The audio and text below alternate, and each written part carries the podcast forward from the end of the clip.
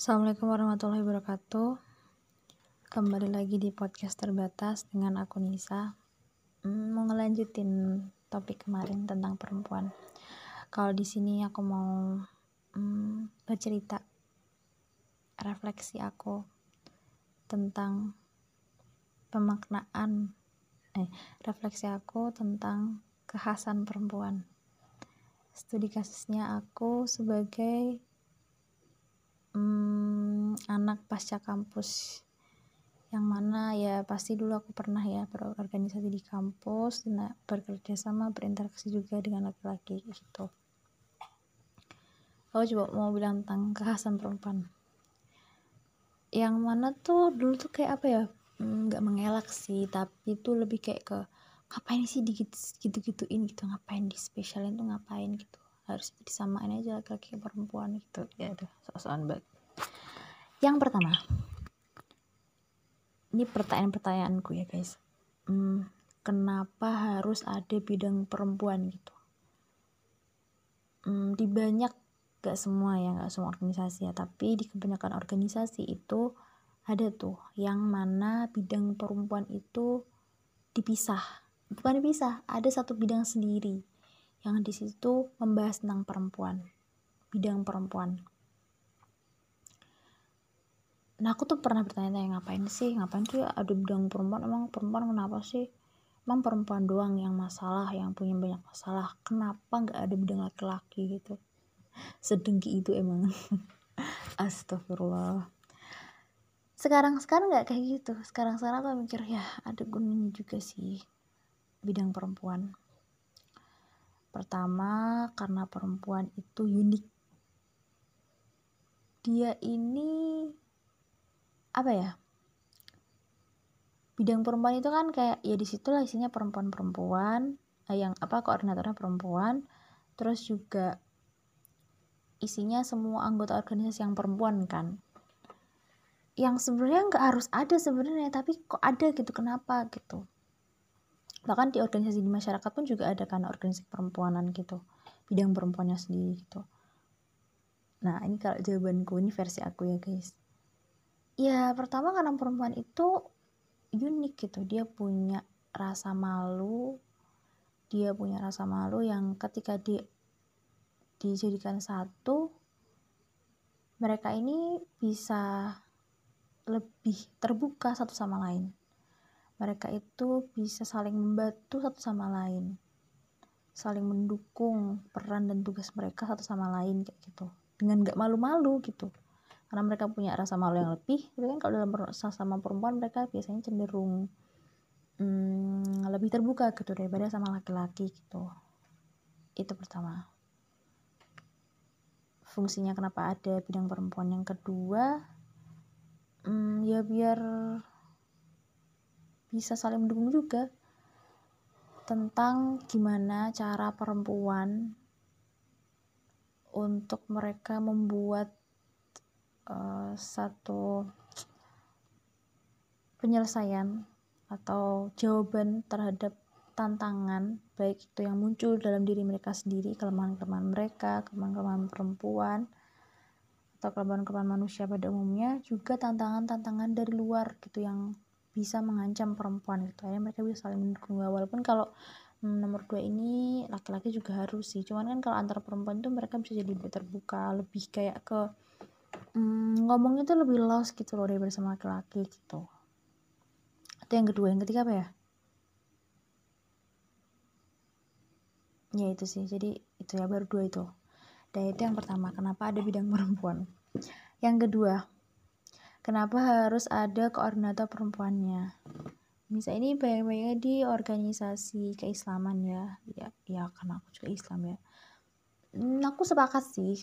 Dia kayak ngapain sih ada bidang koordinator perempuannya? Gitu. Ya nggak jauh-jauh juga sih dari tadi dari kenapa ada bidang perempuan sebenarnya. Ya kalau ada bidang perempuan pasti kan ya ada koordinator perempuannya. Yang mana ya ketika ada wanita perempuan tuh perempuan jadi lebih, terbuka gitu loh sama hmm, sama sesama perempuan gitu. Lebih terbuka untuk ya menceritakan apa yang mirip masalahannya kemudian mencari solusinya bersama-sama. Tapi ya cerita apa pun yang bisa saling mendukung mereka kayak gitu di dalam suatu organisasi kayak gitu. Itu yang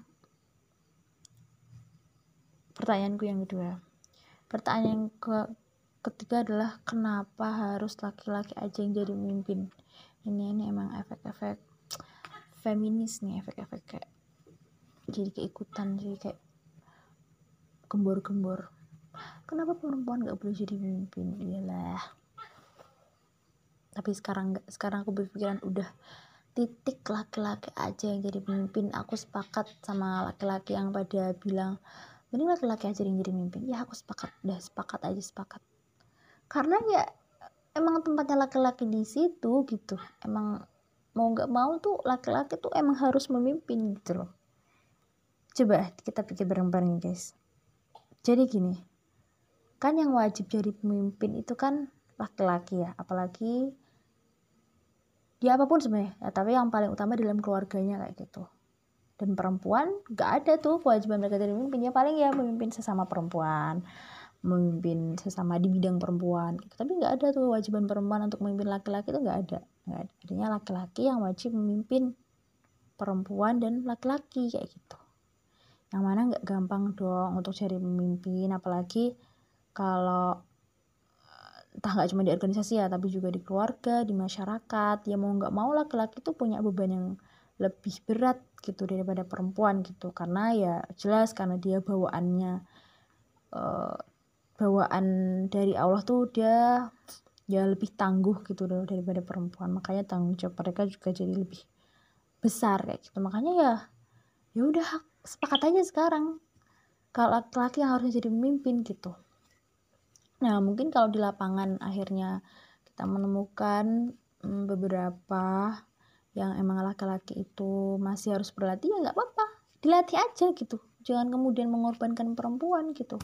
Karena ya gimana ya itu kebutuhan laki-laki sih sebenarnya kan. Ya mungkin perempuan bisa gitu. Tapi ya kalau ada laki-laki kenapa laki-laki aja gitu. Gitu. Jadi kayak aku sekarang mendukung sih laki-laki aja yang jadi pemimpin jangan perempuan. Perempuan kalau bisa dibilang di belakang aja gitu. Karena mau nggak mau nanti mau itu laki-laki ya nih ya kan gini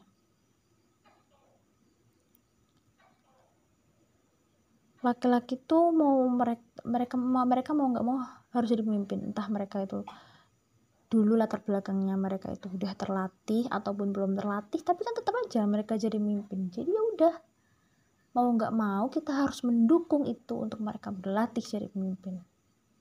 Saling mendukung ya itu yang ketiga pertanyaanku yang keempat. Ini nih sering disinggung sih sama ya mungkin teman-teman perempuan sendiri atau bahkan dari laki-laki gitu kayak kenapa sih perempuan tuh malu-malu? gitu kalau mau ngomong. Atau kenapa sih perempuan itu jarang muncul di permukaan jarang muncul show up jarang muncul di grup mau nanggepin apa apa susah? gitu. Ya aku nggak ya itu agak salah juga sih. Tapi kadang-kadang aku kayak membenarkan gitu kayak ya udah nggak apa-apa lah perempuan kayak gitu tuh. Coba nih bayangin kalau semua perempuan itu show up. Aku nggak bayangin nanti kasihan laki-laki mereka nggak ada tempat buat melatih atau buat mengekspresikan apa yang menjadi kebutuhan mereka sebagai pemimpin kayak gitu.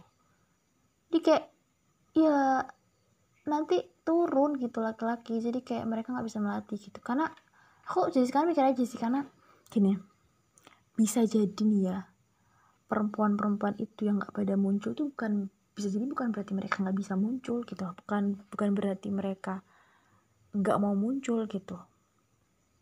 Bukan berarti mereka nggak bisa muncul tapi barangkali mereka itu ngalah. Ngalah untuk mengalahkan laki-laki agar laki-laki ini bisa terus berlatih untuk menjadi pemimpin yang baik di masyarakat dan khususnya di keluarga gitu. Hmm, apa ya aku mikirnya gini sih. Karena kan menurut aku hmm, ya laki-laki tuh mau nggak mau mereka harus mereka mau nggak mau adalah ya mereka tuh bakal jadi pemimpin gitu. Dan permasalahannya kan nggak semua laki-laki mereka tuh terlatih gitu. Di keluarga di masyarakat di pendidikannya buat jadi laki yang siap gitu. Nah salah satunya dalam organisasi yang dia ikuti atau misalnya dalam keluarga misal kita kita punya uh, adik laki-laki atau kakak laki-laki ya harusnya kita bisa menempatkan mereka sebagai pemimpin gitu. Misal kalau misalnya kita dalam perjalanan atau kita dalam mengerjakan tugas kayak gitu. Tugas bersama. Ya agar mereka apa ya? Agar mereka bisa berlatih untuk mm, menjadi pemimpin tuh seperti apa kayak gitu. Jadi aku kadang kayak ya gak apa-apa kalau perempuan nggak pati aktif gitu. Yang penting dijawab. Yang penting ya jangan ngilang aja perempuan gitu. Yang keempat yang kelima apa ya? Ini agak lucu sih sebenarnya tapi ya ini guyon-guyon aja yang kelima ya. Kenapa perempuan kenapa ada lagu lagunya Hawari yang perempuan itu seperti kaca yang berdebu jangan terlalu keras membersihkannya nanti ia mudah retak dan pecah. Aku sebenarnya ketawa-ketawa sendiri sih kalau ingat-ingat ini karena nggak tahu ya mungkin dan kalian bisa nanggepin lah ya hmm, kalian perempuan ataupun kan laki-laki ya laki-laki yang pernah berurusan dengan perempuan ya atau kadang kita sendiri nih perempuan-perempuan yang kadang kita juga bingung terhadap diri kita sendiri ya kayak aku jadi ngomong ini guys kalau ya perempuan tuh kayak kaca yang berdebu gitu. Jangan terlalu keras bersihinnya karena dia mudah retak dan pecah gitu. Tapi juga jangan gak dibersihin juga sama gitu. Nanti ya dia kotor gitu kayak ah ya perempuan itu emang butuh arahan. Tapi bukan dengan bentakan bukan dengan marah-marah bukan dengan cacian gitu. Perempuan itu perlu sokongan dengan kelembutan gitu. Karena ya tadi kayak kaca yang berdebu ada lagunya kita gitu. orang kayak ini lagunya artinya apa? Oh bisa jadi gitu ya. Ini ini yang ke lima ini lucu-lucuan aja ya guys itu ya udahlah itu aja lah. Uh, kesimpulannya apa bukan kesimpulannya ini penutupannya ya. Uh, semoga dari kekhasan ya mungkin tadi salah satunya studi kasus tadi ya itu bisa menjadikan hubungan kita antar sesama baik eh, laki-laki dengan perempuan itu jadi lebih baik jadi lebih serasi saling melengkapi. Nah itu itu aja ya guys semoga kalian paham ya. Oke. Selamat selamat selamat apa ya? Sampai jumpa aja deh. Assalamualaikum